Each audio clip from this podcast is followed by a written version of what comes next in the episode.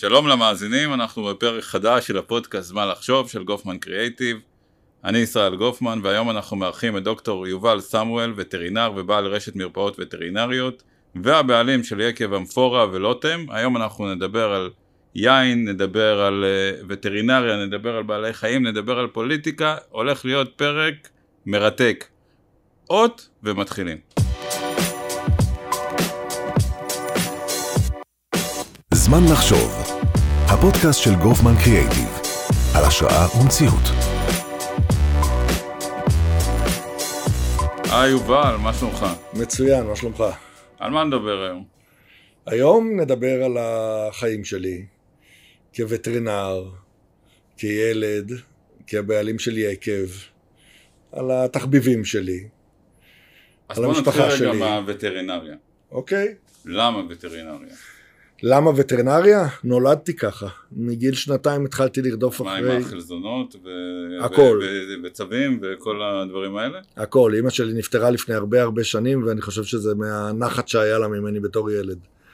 תמיד אה, מחוץ לבית, תמיד מחפש חיות, תמיד מביא הביתה חיות, בית מפוצץ ב... איזה חיות אם אפשר לשאול? הכל, עיר נמלים, אם, אם אתה זוכר, כשהיינו ילדים אז היה עיר הנמלים, אז היה מלא גידלתי צבים נמלים. כאלה, אבל הם היו צבים אה, טורטלה כאלה. היו צבי מים, אז לא, זה לא היה לי, אבל היו לי כן אה, צבים אה, שהייתי מוצא פצועים ומביא הביתה, וגוזלים שהייתי מוצא פצועים ומביא הביתה. יש היום אה, היה קיפודים תמיד. קיפודים, היום יש עמותה שנקראת למען חיות הבר של אביהו שרבד.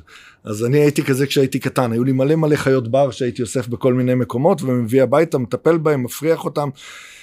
אה, אם היו ברפתות אה, מסביבנו אה, מרעילים את היונים כי הם היו אוכלות את התערובת, אז הייתי אוסף את היונות, היונים המורעלות, מביא אותם הביתה, עושה להם שטיפות קיבה.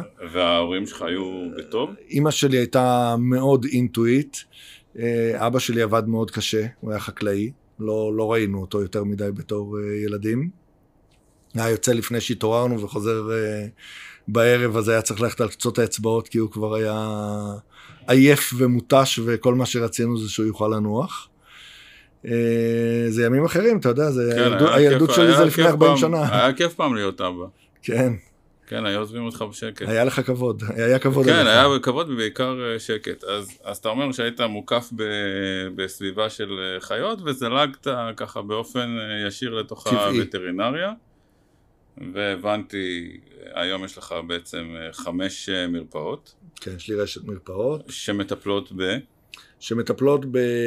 בעיקר בכלבים וחתולים, אבל יש לנו גם אה, סניף שמטפל בחיות אקזוטיות, שזה נחשים, לטאות, אה, ארנבים, שרקנים, עכברים, חולדות, אה, נמיות, כל, ה... כל מה שאתה רק יכול אה, להעלות על רגע, הדעת. מותר להחזיק בישראל אה, חיות אקזוטיות? אה, נחשים? ו... כן, כן, כן, יש משהו אה, עם זאת אומרת, אני אז ממש, כן. אם אני נתקף בחשק, אה, יכול לגדל נחש בבית? אתה יכול לגדל אה, נחש מסוגים שהם לא סוגים ארץ ישראליים. שזה אומר? שזה אומר למשל בואה קונסטריקטור, למשל פיתון, אה, בורמזי, אה, כל מיני נחשים שהם לא נחשים, אה, אני פשוט לא מכיר, זה, זה נחשים שהם אינם ארסיים או ש... שהם לא ארסיים, כן. הבנתי, ו...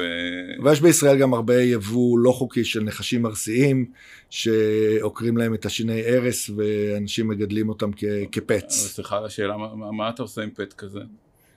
לא יודע, אני לא מחזיק כאלה, אבל, אבל יש, אני יודע, יש אנשים בישראל שיש להם קוברות, ויש... אה, כן, ומגדלים אותם. די מפחיד אותי לשמוע אם אחד כזה בורח. אה, לא, הם, הם מוציאים להם את השיני ערש. זה די אכזרי, אבל יש כאלה שעושים את זה. אה, הבנתי. ואז אתה אומר, יש לך ארבע קליניקות אה, לסאחים? לא, אה, לא, גם. החמישית היא עוסקת גם בבעלי חיים כאלה, אבל יש שם רופאה שגם מתעסקת בחיות אקזוטיות. הבנתי. וגם אני עושה ניתוחים של חיות אקזוטיות. אני מתעסק הרבה מאוד בכירורגיה ובאונקולוגיה. זה עיקר מה שאני עושה במרפאות. אתה יודע, יש לי הרבה מאוד רופאים, כל אחד עושה את התחום שלו, והתחום שאני אישית עושה בעיקר זה, זה כל התחום של אה, כירורגיה, אורתופדיה ואונקולוגיה. עכשיו תגיד, אונקולוגיה זה... זה... סליחה על הבורות, זה רק אצל אה, יונקים, או שגם אה, גם בבעלי חיים יותר פשוטים. אה, לא, זה בעיקר? אצל, בעיקר אצל יונקים, כן. יש, טוענים שבחיות ים אין, אין סרטן. לא יודע אם מישהו חקר את זה עד הסוף, אבל לא מתמודדים יותר מדי עם גידולים ב, כאילו אין לך שום סרטן שאתה... אה, שוב פעם, אני לא, לא מת, מתמקצע בטיפול באונקולוגיה בנחשים, אני מתמקצע בטיפול באונקולוגיה בכלבים וחתולים, ויש לנו הצלחות מדהימות בזה, אנחנו אה, היום רואים מינימום של עשרה מקרים ביום של אונקולוגיה, אני מנתח הרבה מאוד מקרים אונקולוגיים, אנחנו נותנים הרבה מאוד סוגים של אה, כימותרפיה. אה, רגע, והטיפולים האונקולוגיים בבעלי חיים הם התקדמו במקביל לאונקולוגיה, לאונקולוגיה האנושית? כן. מאוד מתקדם, מאוד מצליח, אה, גם הרבה יותר אה, קל מאשר באונקולוגיה האנושית, כי נגיד מגיע אליי כלב, בדרך כלל כשיש להם סרטן, הם לא מגיעים עם סרטן בגיל אה, שנתיים, למרות שיש מקרים כאלה, אלא רוב מקרי הסרטן מגיעים כלב בן עשר. אז ברגע שטיפלת בו והצלחת לתת לו עוד חמש שנים, הוא כבר הגיע לגיל שבכל מקרה הוא היה יכול להגיע אליו. בעוד שבן אדם אתה צריך לרפא אותו ואתה צריך שזה לא יחזור לו לעולם, כי גם אם הוא הגיע אליך בגיל 30, אתה לא רוצה שזה יחזור לו בגיל 35. אז המתודולוגיה היא טיפה שונה, אבל, אה, אבל בסופו של דבר אנחנו משתמשים אה, הרבה מאוד באותם חומרים. ומשנת 2016 אתה גם הבעלים של אמפורה. כן. יקב אמפורה. כן. איך זה קרה? אה, משנת 2010 התנדבתי בבצירים באמפורה, כי אהבתי את זה, אהבתי את... אני גדלתי בבית חקלאי, אתה יודע, החקלאות תמיד הייתה קרובה לליבי, מגיל קטן הייתי הולך עם אבא שלי לשדות, להשקות, ל... אה, לסתום את החורים שהנקרים עושים בצינורות, לבדוק ממטרות. אה, לקטיף, אני כבר זוכר את עצמי בתור ילד בן שש, משגיח על הפועלים שהם קוטפים את הפרי כמו שצריך. אה, ימים שלמים אה, ביליתי בשדות, ותמיד הייתה לי איזושהי מטרה איכשהו לחזור לחקלאות. רק שכשסיימתי אה, צבא וחשבתי איך להיות חקלאי, אז אבא שלי אמר שהוא יחתוך לי את הידיים ואת הרגליים, וחקלאי לא תהיה. מבחינתו זה מקצוע קשה, הוא לא, הוא לא ידע כמה וטרינריה הרבה יותר קשה, אבל זה מבחינתו היה סוג של גם מקצוע קשה וגם הימורים, כי פעם המחיר של האבטיחים למעלה, פעם הוא למטה ואתה חורש את השדה עם האבטיחים, והוא לא רצה ש... שאני אחווה את החוויות uh, הרעות שהוא uh, חווה בדרך. אז uh, היקב היה איזושהי הזדמנות מבחינתי בכל זאת להתעסק עם, uh, עם משהו שאתה יודע שהוא גידולים חקלאיים. אה, הייתי מתנדב שם גם בבציר עצמו, הייתי קם בארבע בבוקר, הולך, היינו הולכים לשדות, בוצרים את הענבים בציר ידני, אחר כך מגיעים ליקב, מאבדים את הענבים, וכל שנה הייתי מתנדב כמה ימים, עד שבשנת 2010 הבעלים הראשי של אמפורה אה, נתן לי הזדמנות ככה קצת להיכנס יותר לתחום של הניהול. אה, וכשהוא ראה שאני עושה את זה מאוד טוב, אז לקראת סוף 2016 הוא הציע לי אה, אם אני רוצה להיכנס איתו שותף, וקפצתי על המציאה. ו... וזהו, ומאז אנחנו שותפים 50-50. אה, אני מאוד נהנה מהעבודה ביקב. אה, אני בעיקר בעיקר מתעסק בכל התחום של הכרמים, של לבחור את הכרמים הכי טובים שיש, כי בסופו של דבר משם זה מתחיל, כאילו לא, לא תצליח לעשות יין טוב מגפן רע. אה, אתה תמיד, תמיד, תמיד, תמיד חשוב שקודם כל הענבים שלך יהיו הכי הכי הכי טובים שיש. ו... אבל בוא רגע, תספר לנו מעבר לענבים, איך בעצם עובד העסק הזה שנקרא יקב? מה, מה, מה מקורות ההכנסה, איך מתבצע התמחור? אה, יקב, זה מתחיל כמו שאמרתי, בכרמים, אה, ענבים, מפעל אתה צריך לנהל מפעל, מפעל שמייצר את היין, זה חביות, זה מכלים, זה משאבות, אה, זה קרשר שפוצע את הענבים כדי ש... לפני שהם עולים למיכל על מנת שהם יעברו את התסיסות, אה, זה פרס שמוחץ את הענבים, אם זה ענבים לבנים למשל, אז אתה מוחץ אותם ישר אחרי הבציר כדי להוציא מהם את הנוזל, או ענבים אדומים אתה עושה את זה אחרי התסיסות, אתה מוחץ אותם. זאת אומרת, אתה מתעסק בהרבה מאוד אה, מכניקה, אה, אתה מתעסק הרבה מאוד בכל מיני זנים, ואתה אף פעם בתחילת העונה לא יודע מה יהיה לך בסוף העונה. זאת אומרת, אתה, שזה משהו מאוד משותף לחקלאות. אתה מתחיל ב-X, אתה אף פעם לא יודע מה... מה יהיה התוצר הסופי. אה, אבל מה בעצם מפריד בין יקב שהוא מצליח ויקב שהוא נכשל? איזה פקטורים? א', יננים טובים. זאת אומרת, אני חושב שהיננים שלי הם מדהימים. זאת אומרת, יש לי ינן ראשי מעירם הראל שהוא בעיניי אה, יותר ממושלם. יש לנו יועץ יין חיצוני שבא מנאפה ואלי, אה, אחת לשלושה חודשים לשבוע, שהוא היועץ שלנו, שהוא גם נחשב לאחד הטובים בעולם. אה, ציוד טוב, אה, חביות טובות. אה, והרבה אהבה, יין צריך אהבה, זה, זה, לא, זה לא סתם אמרה, זה באמת, מישהו צריך להיות מחובר לזה ברמה חבריו, אחרת אין שום סיכוי שיצא מזה יין טוב. צריך כל הזמן לבדוק את הטמפרטורות, את ה-PH, את ההבשלות, את כל דבר ודבר, כל הזמן צריך להיות על הכל, כי זה באמת מורכב מהמון המון המון תחומים בו זמנית. זה, זה, זה עבודה מרתקת להיות ינן. ובניתם לאורך אה, שנים מותג יין מאוד חזק, אחד החזקים בישראל. ספר לנו קצת על שיטת השיווק. איך בעצם, מעבר לאיכות המוצר, איך, איך בניתם את המותג? כשאני הגעתי לאמפורה, אז uh, היין היה, היה לו כבר שם של יין טוב, אבל היין הזה היה נמכר ב, בכמה חנויות ו, וביקב, והאוכלוסייה שהייתה, אוכלוסיית היעד שלנו היה קהל מבוגר, uh, הרבה מאוד קהל רוסי שאהב את היין. Uh, ואני באתי בגישה שאני uh, רוצה להנגיש יין לחבר'ה צעירים. אנחנו מדברים על שנת 2016-2017, חבר'ה צעירים שתו בעיקר בירה ומשקאות אלכוהוליים, קוקטיילים וכאלה, הרבה פחות יין, כאילו מה שהיום אה, מאוד נפוץ שכל אה, חבר'ה צעירים נוסעים בסופה של איזשהו יקב, לא היה בשנת 2016. אתה מדבר בישראל או גם כתופעה עולמית? לא, כתופעה ישראלית. אה, תופעה עולמית כבר אז היה אה, טיולי יקבים, אבל זה היה בטוסקנה, לא בישראל. Okay. אוקיי. מה שיש היום שאנשים נוסעים בסוף שבוע מיקב ליקב וסופה אה, שכרמים וכאלה, לא היה בשנת 2016. אנחנו, אנחנו סך הכל היינו תופעה חדשה. והשיטה שעשיתי את זה, זה הייתי עושה קודם כל אירוחים בכל השבוע של אנשים שבאים ומקבלים פלטה של גבינות וירקות ומטבלים ושמן זית ומוזיקה ו... וטעימות יין שהיינו מתאימים להם את העיינות שלנו, ומדי כמה חודשים היינו עושים גם מסיבות, ממש מסיבות גדולות כאלה עם די-ג'יי, אה, עם אה, דוכני אוכל ומפרסמים, ואנשים היו באים ושותים. ושלחתי, אה, היו לי אה, סוכנים, לא, הלכ, לא התבססתי על uh, מה שהרבה מאוד uh, יקבים באותה תקופה, היה להם כל מיני חברות שיווק כאלה גדולות, uh, בלי, בלי להזכיר שמות, ש, שהיו משווקות אותם, אני לקחתי לי אנשים שלי, שהיו מתוך היקב, שישווקו אותי, ולאט לאט סגרנו עוד מסעדות ועוד uh, חנויות יין יוקרתיות וחנויות בוטיק וכאלה, והעובדים שלי היו מגיעים לשם בימי שישי ומתאימים את היינות, ועל ידי זה אנשים טעמו, אהבו ו...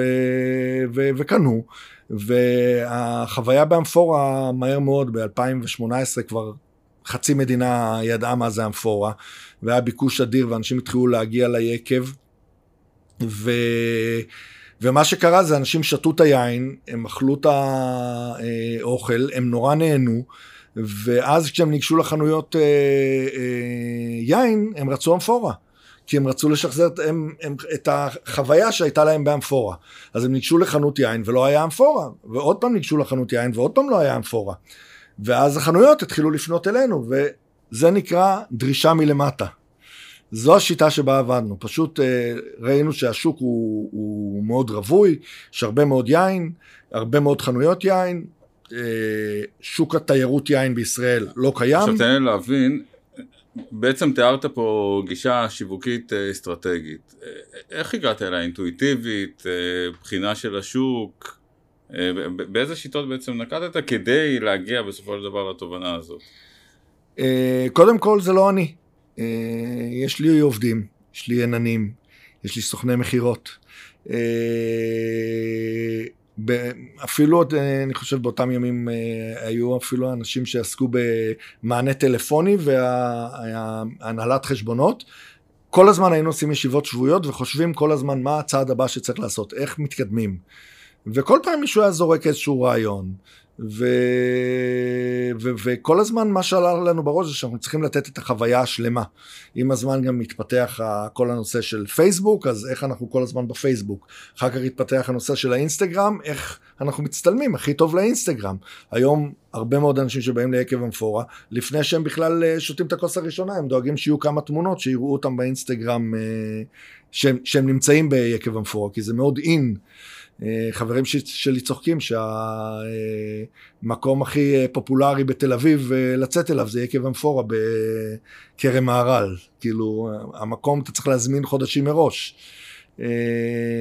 אבל, אבל זה, זה כל הזמן לחשוב מה, מה, מה הקהל רוצה ומה אתה רוצה ומה עושה אותך שלם ואני בעצמי במקום להיות בשבת עם המשפחה שלי אז אני נמצא ביקב ואני משרת שולחנות אה, היום כבר קצת פחות, אבל במהלך השנים אפילו גם הייתי במטבח חותך את הירקות וחותך את הלחמים, והייתי אה, אה, עושה פיקולו מהשולחנות, וכל הזמן שומע מהאנשים מה הם חושבים, מה הם אוהבים, מה הם פחות אוהבים, מה הם רוצים יותר, מה ישפר את החוויה. לדוגמה, כשאני נכנסתי ליקב בשנים הראשונות, הגשנו ירקות, ואז התחילו לבוא אנשים ולהגיד לי, תשמע, חושבים שפירות יתאים הרבה יותר. אז שינינו את הקונספט מירקות לפירות. עבדנו עם uh, סוגי גבינות מסוימים, אנשים היו אומרים לי, תשמע, חושבים שהגבינה הזו והזו יותר טובות. החלפנו גבינות, אנחנו כל, כל הזמן לשנות, זאת אומרת, בן אדם שיבוא לאמפורה uh, היום, או יבוא בעוד חודשיים, לא יקבל את אותה פלטה. אנחנו כל הזמן משדרגים, כל הזמן משנים, כל הזמן מוסיפים. השבוע למשל הוספתי ריבת בצל לפלטה. זה רעיון מחוץ לקופסה, אני לא מכיר הרבה יקבים שמגישים ריבת בצל בפלטה. עכשיו תגיד, אם אני אסתכל עליך כמנהל ב... בווטרינריה ועל אה, מנהל ביקב, אני אראה אותו בן אדם או שני אנשים שונים שני לגמרי? שני אנשים שונים לגמרי. איך אתה מסביר את זה? כי ביקב אני, ביקב אני, אה, אני מנהל, אני my way or no way, אוקיי? אין, אה, אני, אני מקשיב לכולם, אני לוקח את כל הרעיונות ביחד עם כולם, אבל once החלטתי משהו, החלטתי. זאת אומרת, זה, זה רוח המפקד, יש רוח המפקד ואני מגיע, יש איזושהי, אם תגיע איתי ליקב אתה תראה, יש איזושהי יראת כבוד אה, מאוד גדולה מצד העובדים כלפיי. בווטרינריה אה, אני מתנהל כ, כמו הווטרינר שאתמול התחיל. זאת אומרת, אני וטרינר מן המניין, אני לא המנהל, אני לא הבעלים, אני, אני באתי לעבוד, אני רואה קהל, אני מקבל קהל, אני מנתח, אני, אני מקבל מקרים אונקולוגיים, אני עובד כ, כמו כל אחד מהעובדים. אני לא, אני לא, ביקב אני ראשון בין שווים, כמו לואי ה-14, ו, וב, ובקליניקה אני לא ראשון, אני... אני כמו פה כולם. אתה, פה אתה ראש ממשלה בקואליציה, בקואליציה רחבה, ופה אתה לואי ה-14. כן. ולמה בעצם? כי זה עסקים שונים, אני, ב, אני בווטרינריה אני נהנה מאוד מאוד מאוד להיות וטרינר, אני אוהב את העבודה שלי, אני חושב שרוב האנשים שעובדים איתי אה, גם מאוד אוהבים את העבודה שלהם. כל אחד הוא טוב בתחום שלו, אני לא, לא, אני לא אה, גם האונקולוג הכי טוב, גם הכירורג הכי טוב, גם הרופא פנימאי הכי טוב, גם הרדיולוג הכי טוב, זאת אומרת, אני לא יכול להיות הכל. אז כל אחד יש לו את התחום שלו, זאת אומרת, אני מתייעץ איתם, הם מתייעצים איתי, כל אחד בתחומו. וכשאתה מדבר על, דיברנו קודם על שיווק. השיווק של היקב הבנתי מה, מה הדגשים שנתת, איזה דגשים אתה נותן בתחום הווטרינריה? בווטרינריה אני לא צריך לשווק. מפה לאוזן? כן, השם שלי הולך לפניו. אבל עכשיו, אבל נניח ב... ב... תמיד. איך שהתחלת? כן. הבנתי. עכשיו... זה הסיבה שפתחתי עוד קליניקה ועוד קליניקה ועוד קליניקה, זה פשוט כי כל פעם הקליניקה שהייתי בה הייתה כל כך עמוסה שהייתי צריך איכשהו לשחרר לחץ. אז הייתי מקים עוד מקום שעובדים שלי, שאני מאמין בהם, ילכו וגם ככה אני משמר אותם בתוך המערכת, וגם ככה מוריד לחץ מהמערכת שבה אני נמצא. עכשיו הייתי שם שמח נורא לשמוע, אחרי כמה שנים אתה עצמאי? 21? אחרי 21 שנות, אה, שנות עצמאות, עצמאי זה גם מילה בעייתית. כי... מילה גסה. מה? מילה גסה. כן, מילה בעייתית עם קונוטציות שליליות, אבל אה, נעזוב את זה. אז אחרי 21 אה, שנות עצמאות, מה, מה התובנות שלך מהעולם הזה? בגלגול הבא להיות שכיר. זה, זה מעניין, למה? כי אתה, אתה חי את העסק 24-7, אתה... אבל זה נשמע שאתה נהנה אני מזה. אני מאוד נהנה, אבל אני פחות זמין למשפחה שלי, אני פחות רואה את הילדים שלי גדלים, מה שהייתי רוצה הרבה יותר. אה, אין לי יותר מדי זמן לעצמי, ככל שהעסקים גדלו אז יש לי פחות ופחות זמן לעצמי, אז זה נכון שלקחתי את היקב שזה היה תחביב והפכתי אותו למקצוע, זה נכון שלקחתי את הווטרנריה שהכי אהבתי בעולם ואני עדיין הכי אוהב בעולם בעלי חיים ואמרתי טוב אני אהיה וטרנר אבל, אבל יש לי עוד תחביבים, ואני לא מגיע לעשות אותם, אה, כי, כי אני כל כולי מושקע בתוך, ה, בתוך הלהיות עצמאי, בתוך העובד שלא הגיע בבוקר, העובד שאיחר, העובד שכרגע אה, קיבל הצעה ממישהו אחר והוא, אה, איך, איך אני משאיר אותו אצלי או לא משאיר אותו אצלי. אה, זה, זה כל הזמן אה, ניהול סיכונים. כן, אבל תמיד אה, כאילו, כשאתה שואל את האנשים את השאלה הזאת, אז אומרים לך, אוקיי, אבל זה שלי. זה, זה, התחושה הזאת של השלי היא תחושה חזקה.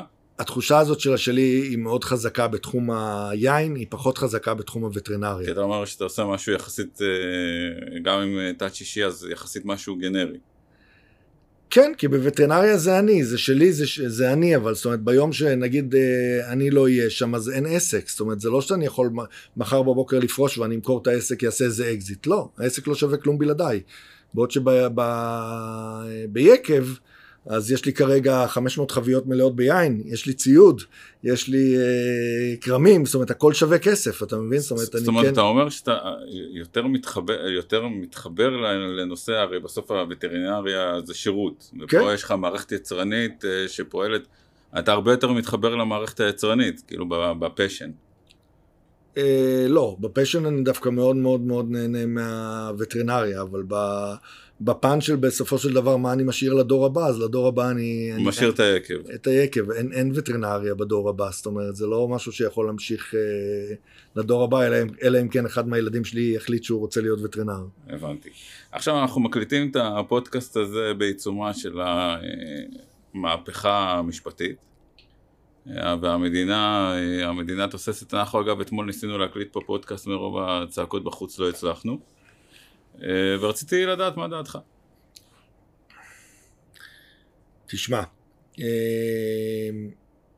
תהליכים תמיד, תמיד צריכים לקרות תהליכים, זאת אומרת, אני גם מאמין בזה בעסק. אם המרפאה שלי הראשונה הייתה נשארת תמיד מרפאה קטנה ולא הייתה משתנה, אז לא היינו מגיעים לאיפה שאנחנו. ואם ביקב לא הייתי עושה תהליכים, אז היקב לא היה מגיע לאיפה שהוא היום.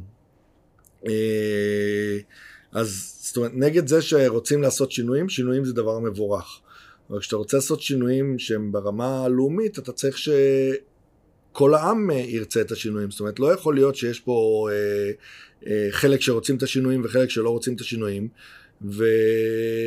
ולמרות שזה חצי חצי, הולכים, חצי אחד מחליט בשביל החצי השני, אה, במיוחד שאני לא, אני, אני לא אוהב להגיד את זה כי זה, זה, זה, זה נשמע נורא, ואני לא חושב שאנחנו מדינה שכולם בה הם אה, שווי זכויות. אה, כי לא יכול להיות מצב ש-20% מהציבור הוא משלם מיסים, ואותו 20% מהציבור הוא גם הולך לצבא, ו-20% מהציבור הזה הוא גם עושה מילואים, ובסופו של דבר, אה, מי שמחליט מה יהיה, זה לא אותו 20%.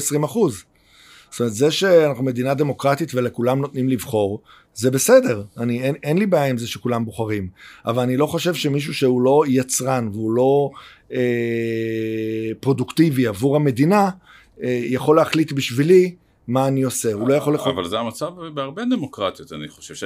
זאת אומרת, זה, זה הפרטו הקלאסי. זה בסוף, הפרט... בסוף, בסוף אה, אין מה לעשות, התל"ג הוא נקבע על ידי אה, חלק קטן מהאוכלוסייה. תל"ג הוא נקבע על ידי חלק אה, אה, קטן מהאוכלוסייה, אבל זה לא שחלק אחר של האוכלוסייה הוא נטו אה, חי מה... מאותו תל"ג ש...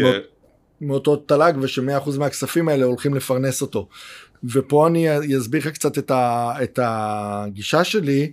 שבאים ואומרים לי, אוקיי, אבל אה, גם, גם הדתיים לא עובדים וגם הערבים לא, לא משלמים מיסים. אה, זאת אומרת, אם יסתכלו על, אה, על אחוז המס, אז היה עכשיו שמשפחה, שחילונים משלמים פי שש, שש מיסים בממוצע, חילוני מאשר דתי. ופי שלוש מערבי. אז אני חושב שאיפשהו הערבים הישראלים, אה, הם עדיין מפרנסים את עצמם. הדרישה שלהם, זאת אומרת, לבתי ספר, למעונות, לכל הדברים האלה, היא לא כזו שפוגעת בכלכלה שלי, אוקיי? לעומת זו, מה שבן גוריון עשה בזמנו, שהוא אה, נתן את ההחלטה של תורתו אמונתו. לכמה מאות הוא, אברכים. הוא נתן את זה לכמה מאות, ל-200 עד 500 אברכים. כן. זה שזה הפך היום לחצי מיליון, ושזה צפ, צפוי להגיע תוך אה, חמש שנים למיליון אברכים, שמשלמים להם, משלמים את המוסדות שלהם. משלמים את הלימודים אה, שלהם, את האוכל שלהם, ועוד נותנים להם אה, אה, שכר לימוד כדי שהם יוכלו לפרנס את המשפחות שלהם, ומשלמים להם על הילדים שלהם גמלת ילדים, זה למעשה שמים עומס על המשכורת שלי, שאני למעשה אחזיק אותם, ואני לא חושב שזה יכול להימשך לאורך זמן, ו, ומה שהמהפכה הזו עושה היא למעשה, הם, אנשים יורים לעצמם ברגליים, כי... כי הרי המהפכה הזו יכולה עכשיו להיקרא מהפכה משפטית. בסופו של דבר, מה שקרה פה זה שאיזושהי דמות אה, בתוך אה, מפלגה לגיטימית שנקראת הליכוד, חברה אה, לדתיים, והם ביחד מנסים לרסק את בית המשפט. אז מבחינתך, אבל המהפכה המשפטית זה בעצם טריגר לתופעה שהיא הרבה יותר רחבה. טריגר להדתה? תופעה חברתית. עכשיו תראה, אנחנו בעצם, אה, הדמוגרפיה, אתה יודע, זה בסוף, אה, זה בסוף אה, פיזיקה. יש איזשהו שיעור ריבוי טבעי ואנחנו, ברור לנו לאן אנחנו הולכים מבחינת הדמוגרפיה של ישראל. אז זה לא קצת מלחמה בתחנות רוח? תשמע, אחד, זה כן מלחמה בתחנות רוח, כי כמו שזה נראה כרגע, זה נראה רע מאוד. יכול להגיד לך שאצלי במרפאה, הווטרינרית יש בחורה בשם אנה שכל מה שהיא עושה היום זה ממלא תעודות לאנשים שצריכים למלא את הטפסים לירידה לחוץ לארץ עם הבעלי חיים שלהם. אני חושב שיש ירידה מטורפת מישראל שאף אחד בכלל לא מתייחס אליה. אה, זה לא גל ירידה ראשון שיש, כבר היה לנו את הגל לפני כמה שנים של ירידה לברלין, עכשיו יש ירידה חזקה מאוד ליוון ולפורטוגל. אני רואה את זה על בסיס יומי, יש לנו ימים שכל היום מהבוקר עד הערב היא יושבת וממלאה טפסים, זה לא הגיוני.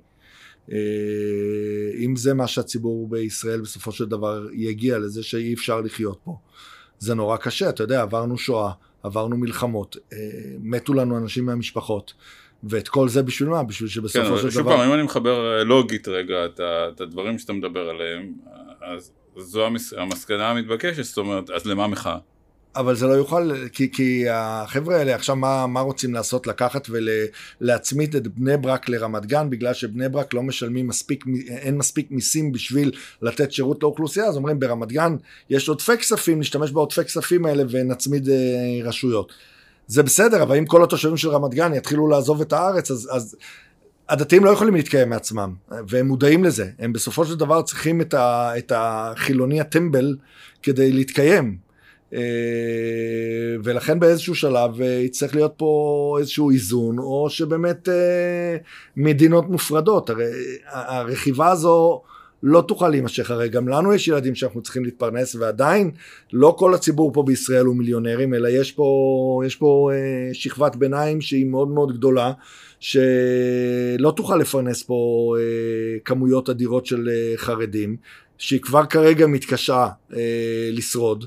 ו... ובסדר, אז כרגע הם צוחקים עלינו כי הם אה, ניצחו בבחירות והם עושים איזשהו אה, מהלך, אבל אה, המהלך הזה לא יוכל להמשיך כי, כי שוב פעם, אנחנו לא בחרנו להיות חרדים, ומי שלא בחר להיות חרדי לא יכול לתמוך במה, במהפכה המשפטית הזו, כי אין אף אחד שלא מבין לאן זה הולך. הרי לשמוע את ליצמן אומר ש... סוף, איך הוא, איך הוא התבטא? שהוא אמר את זה ששלושים שנה... הוא התבטא הרבה. ששלושים שנה הוא חיכה שהוא יוכל להפיל את בית המשפט, ועכשיו זה קרה. אה, זה ליצמן אמר? לא, ליצמן הוא כבר בדימוס. אה, אז אה, איך קוראים לו לא, גולדקנופף, קנופ. לא גלופ, גלופ. לא, לא, משהו, לא זוכר. טוב, ליצמן כשם גנרי. כן, ליצמן כשם גנרי, אבל אחד ה... גפני, גפני. אה, אוקיי, גפני כן, אמר את גפני. זה. גפני, סליחה, כן, ליצמן, גפני הוא שם.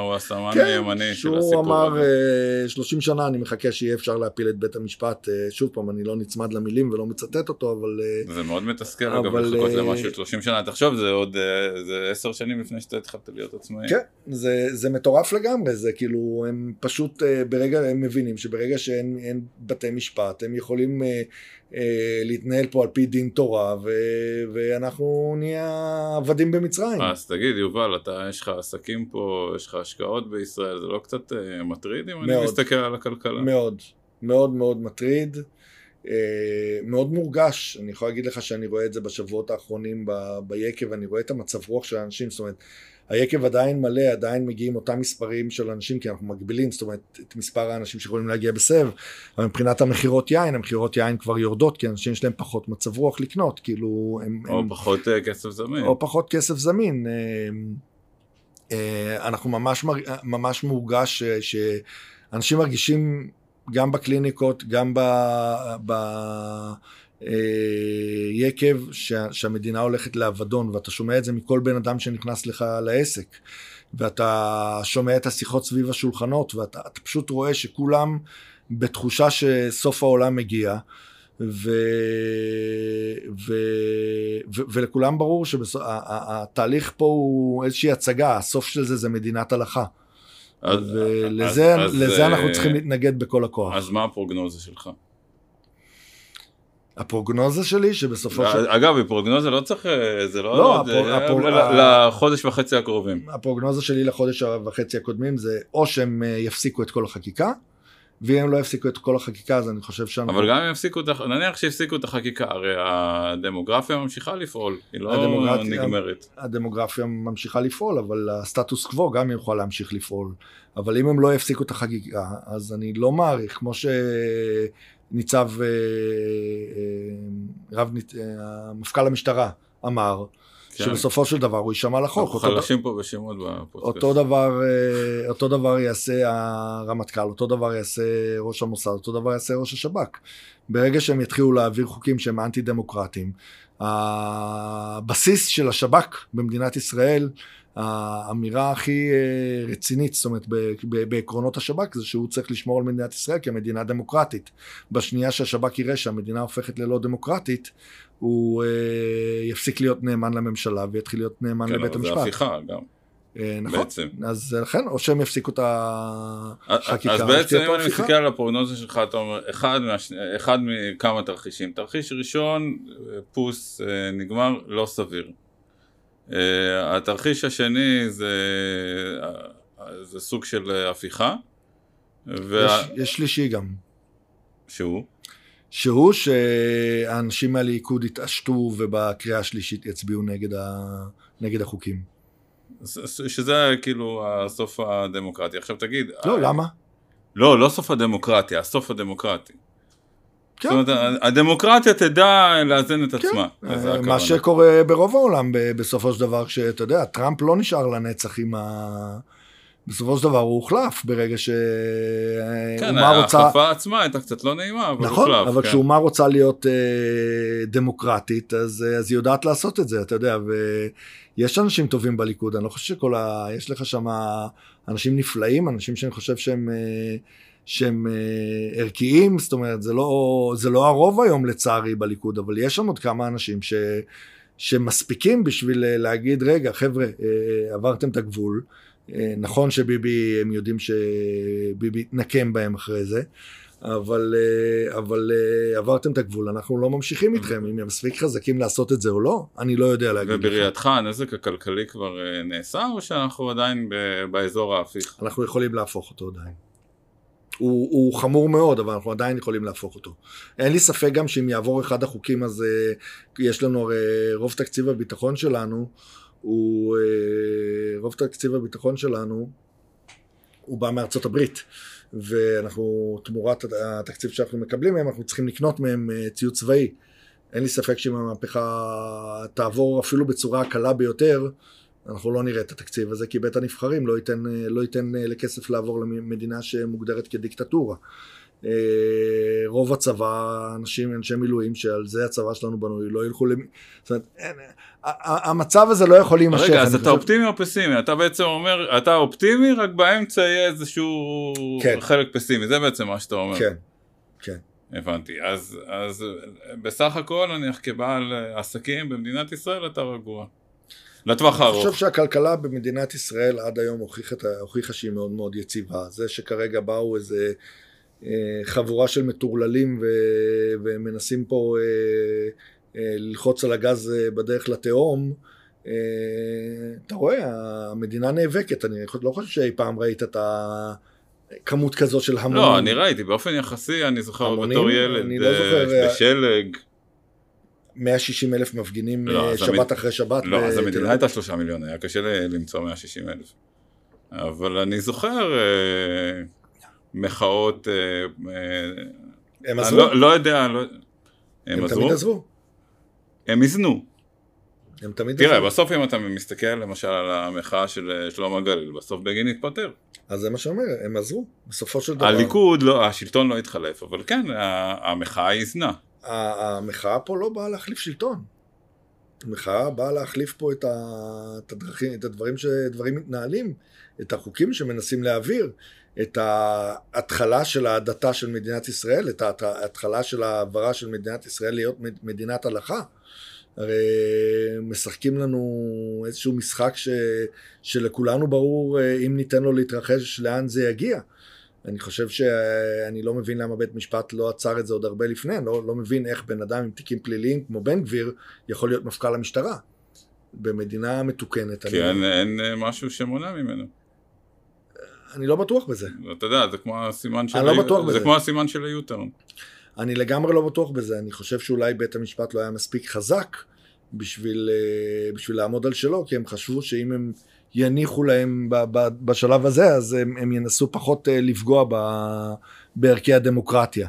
הם טעו, אבל אה, אני לא חושב שבאיזשהו מנגנון בן גביר היה צריך לתת לו לרוץ לכנסת, ובטח שלא להיות שר. אמ, אותו דבר לגבי אה, סמוטריץ', שהוא היה חבר בארגון טרור. יש פה, יש פה בעייתיות. סמוטריץ' זה סוגיה, זה סוגיה נפרדת. אני, סמוטריץ', מה שקורה בימים האחרונים הוא די מזעזע בעיניי. זה בן אדם שמסית לטרור, בן אדם שנעצר על אה, חברות בארגון טרור. לא, אבל ניחא זה, כאילו, עכשיו אנחנו, הבן אדם מופיע עם אה, מפת ארץ ישראל השלמה, שלמה, שלמה. כאילו, למה זה טוב? להרוס הכל. חוסר, הם באו להרוס. לא, אני אגיד לך, אפרופו השיחה שאנחנו מנהלים על כלכלה, בסדר, עזוב, כל אחד ודעותיו. שנים לא ראינו את אה, מפת ארץ ישראל השלמה, אבל, אבל איך אתה יכול להיות אופטימי בשלב שזה שר האוצר שלך? כן, לא חושב... אתה צריך להיות ממש אדם מאוד מאוד מאוד אופטימי. אני לא חושב שהוא יהיה שר האוצר שלי לעוד הרבה זמן. הבנתי. אני לא חושב ש... אני חושב שכמה שביבי אה, אה, נותן למדינת ישראל להישרף רק לא להיות במעשיהו, כי זה, זה מה שקורה בפועל. אה, הראו את זה נורא נחמד בארץ נהדרת לפני שבועיים עם... אה, אני אגב לא אוהב את העונה, את העונה הנוכחית שלהם. הבנתי, אז הראו את זה שם, שביבי יושב ומנגן בגיטרה, והכל הדבר היחיד שאני אוהב זה את מסביב. החיקוי של, של, של גלית, של גלית? כן. של כן, גוטליב. כן, כן, כן, כן. זה מאוד חינני בעיניי, חוץ כן. מזה אני לא אוהב את העונה הזאת. אז, אז זהו, כאילו, הוא נותן לכל המדינה להישרף רק שהוא לא יגיע למעשיהו ושדרעי יצליח לחזור לפ...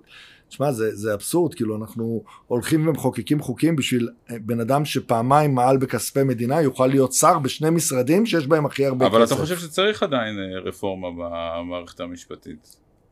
אני, אני לא... מנתק אותה רגע מהקונטקסט הנוכחי. שוב וה... אני, אני חושב שאהרון ברק הלך שלב אחד יותר מדי. פשוט הלך שלב אחד כן. יותר מדי. צריך להחזיר את המערכת המשפט למקום שהיא הייתה. זאת אומרת אם הממשלה עכשיו אומרת, אוקיי, אני עושה רגע, לא פוס, אבל אני עושה את מה שהתכוונתי לעשות, אבל בצורה הרבה יותר מתונה, שקולה, אה, בתהליך איטי, אתה לא... בתהליך איטי, בשיתוף עם בית לא, המשפט, לא בשיתוף עם אה, הצד השני, זאת אומרת, בהסכמה רחבה מאוד. כן, אני גם חושב שאפשר לחכו, לשנות חוקי יסוד בהש, בהס, בהסכמה של, של 80 ח"כים, לא בהסכמה של 60 ח"כים. אני אגב חושב שהחטא הקדמון זה המשחק שהתחיל ולא היה, אה, ולא היה נפוץ קודם, המשחק בחוקי יסוד. בממשלה הפריטטית. זה, זה, זה, זה ככה, זה נראה לי היה קו פרשת המים. יכול להיות, יכול מאוד להיות.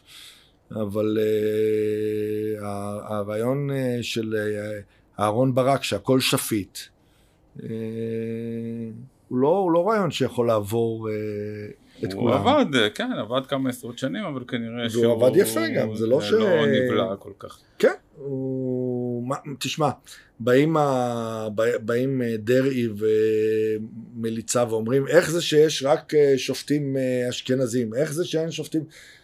אתם כולכם בישיבות, אתם נגד לימודי ליבה, איך אתה רוצה שיהיו לכם נציגים בבתי משפט? הם לא לומדים משפטים, אם הם, לומדים, הם לא לומדים לימודי ליבה והם רק יושבים ב, בישיבות ואף אחד מהם לא לומד. זה לא שאין אה, שופטים אה, מעדות המזרח, זה לא שאין שופטים דתיים, הם פשוט הרבה פחות, כי החלק היחסי שלהם באוכלוסייה שהוא אה, דתי חרדי הוא כל כך גדול, שהוא לא, פשוט לא מיוצג בבית המשפט כי הוא לא מגיע לבתי משפט כי הוא לא יכול להיות כן, שופט. כן, אבל בוא, אי אפשר להתעלם מזה שהייתה שם לאורך שנים תופעה של, אה, איך נקרא לזה בעדינות, חבר אה, מביא חבר. אז למה יש שופטים ערבים?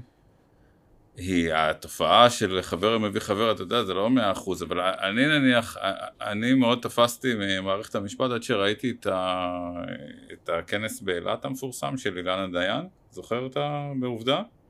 את המינויים שם, ועם אפי נווה, וכל לא, ה... לא, אני לא חושב שמערכת המשפט... וכל הדבר הנחמד הזה. תשמע, אני ישבתי בבית משפט לפני כמה חודשים, על, באיזשהו מקרה שהיה לי, והשופטת קיבלה, מישהו היה חייב לי חמשת אלפים ומשהו שקל, על ציוד שהוא לקח אצלי במרפאה, ולא שילם, אז תבעתי אותו. והגעתי לבית משפט, והאישה אומרת, אני לא, לא אשלם את הכסף. למה? כי לא מגיע לו, כי א', כי ב', כי ג', כי הוא... תירוצים הכי עלובים. אבל אני מוכנה לתרום את הכסף הזה לעמותה. אמ, אז השופטת אומרת לה, אוקיי, איזה עמותה? אז היא אומרת לה, שם של עמותה. אז השופטת אומרת, אין בעיה, תתרמי את הכסף לעמותה. ואומרת, טוב, זאת ההחלטה שלי. אני, אני, אני מסתכל על השופטת, אני אומר לה, תשמעי, לקחה ממני ציוד. זה לא עבודה שלי, זה ציוד. אני שילמתי כסף עבור הציוד הזה. היא אומרת, זאת ההחלטה. אה, המשפט נגמר. אתה מבין? אז להגיד לך שמאה אחוז מההחלטות של בית משפט מקובלות עליי? לא. להגיד לך שכל השופטים בישראל הם טובים? לא. אבל, אה, אבל עדיין זה, זה, זה יותר טוב מאשר... איך המשפט של, של השופטת לשעבר קרייף? היה לה איזה משפט שאתה אומר שלא נמק, לא זה, משהו כזה, אתה זוכר? מה? אה, אה, אה, נו, ברח לי, היה לה משפט טוב על זה. לא... הלאה, אתה זוכר את הרעיון כן, שלה, היה, היו שם הרבה משפטים uh, טובים, היה משפט אחד שהיה מאוד מתאים כרגע, במסגרת זה ששנינו לא זוכרים, הוא לא כל כך בא לי טוב בראש. אין לי מושג. כן. אני יודע שיש לה... לא... שהבת של אתי קרייף עובדת אצלנו ביקב המפורה והיא בחורה מקסימה. אה, יפה, יפה. אז uh, בנימה האופטימית הזאת, מה נאחל לעצמנו? נאחל לעצמנו שה... הפירוד הזה בעם אה, ייגמר וכמה שיותר מהר, ושנלמד אה, לחיות ביחד, כי זה או שנהיה תלויים אה, אחד בשני, או שנהיה תלויים אחד ליד השני. אנחנו פשוט צריכים להבין, החילונים צריכים להבין שאין מה לעשות, הדתיים מתרבים בישראל ואיכשהו צריך לדעת להתנהל עם זה. והדתיים צריכים להבין שאם אנחנו לא נעבוד ונוכל לפרנס ו... ויהיה לנו טוב פה, אז לא יהיה מי שיפרנס אותם. אה, והכי טוב זה גם אם הם יצאו לעבוד. ומבחינת הענף שלי, מי שמתנגד להדתה, שפשוט לא ישתה יין כשר. שישתה יין אה, לא כשר, כי כשאתה שותה יין כשר, למעשה ההבדל בין יין כשר ליין לא כשר, הוא נטו, אה, נטו העניין שבשביל שהיין יהיה כשר. אתה צריך שמי שעובד על היין יהיה אה, חובשי כיפה שומרי שבת. ולמעשה אתה רץ ואתה תומך במדינת הלכה בדרך.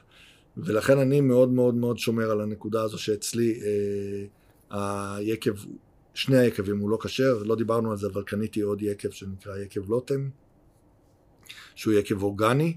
האמת היא שהרבה, יש לנו פה עוד מקום ל, ל, לעוד פודקאסט על, על קווים אורגניים, על יין בכלל, לאן, לאן כל התחום הזה כן. הולך. אז uh, אני... אנחנו פשוט בתוך, ה... אנחנו כולנו כחברה מאוד מאוד עמוק בתוך המהפכה המשפטית ו... ואני חושב שזה משפיע לגמרי באופן רוחבי. אז אני חושב שכמו שהרבה שנים היה לנו את העניין הזה של שפרסמו בטלוויזיה לקנות רק תוצרת הארץ עם כל הדגל ישראל לקנות רק כחול לבן אז גם עכשיו מי, ש... מי שלא רוצה את המהפכה הזו אז צריך ללכת עם הצד ה... עם הצד ש... שהוא רוצה לתמוך בו גם מבחינה כלכלית. ואני חושב שזה יכול להשפיע בסוף, בסופו של דבר על כל דבר, לא סתם ארה"ב אה, עושה סנקציות על איראן, אנחנו גם צריכים ללמוד לעשות סנקציות על הצד השני. אתם לא רוצים אותנו, אין בעיה, אנחנו, אנחנו אלה שמפרנסים אתכם, גם אנחנו לא רוצים אתכם, ולא מפרנסים אתכם. יובל, אני מאוד מודה לך, בנימה לא אופטימית, בעצם לא, כן. לא לא אופטימית, בנימה ריאלית זו, ואני מאוד uh, מודה לך על הזמן שהקדשת לנו. תודה ו... רבה לכם, היה לי ממש ממש uh, כיף uh, לשוחח, הנושאים, הנושאים לא כל כך uh, כיפים, אבל זה מה יש. תודה רבה. תודה רבה לכם.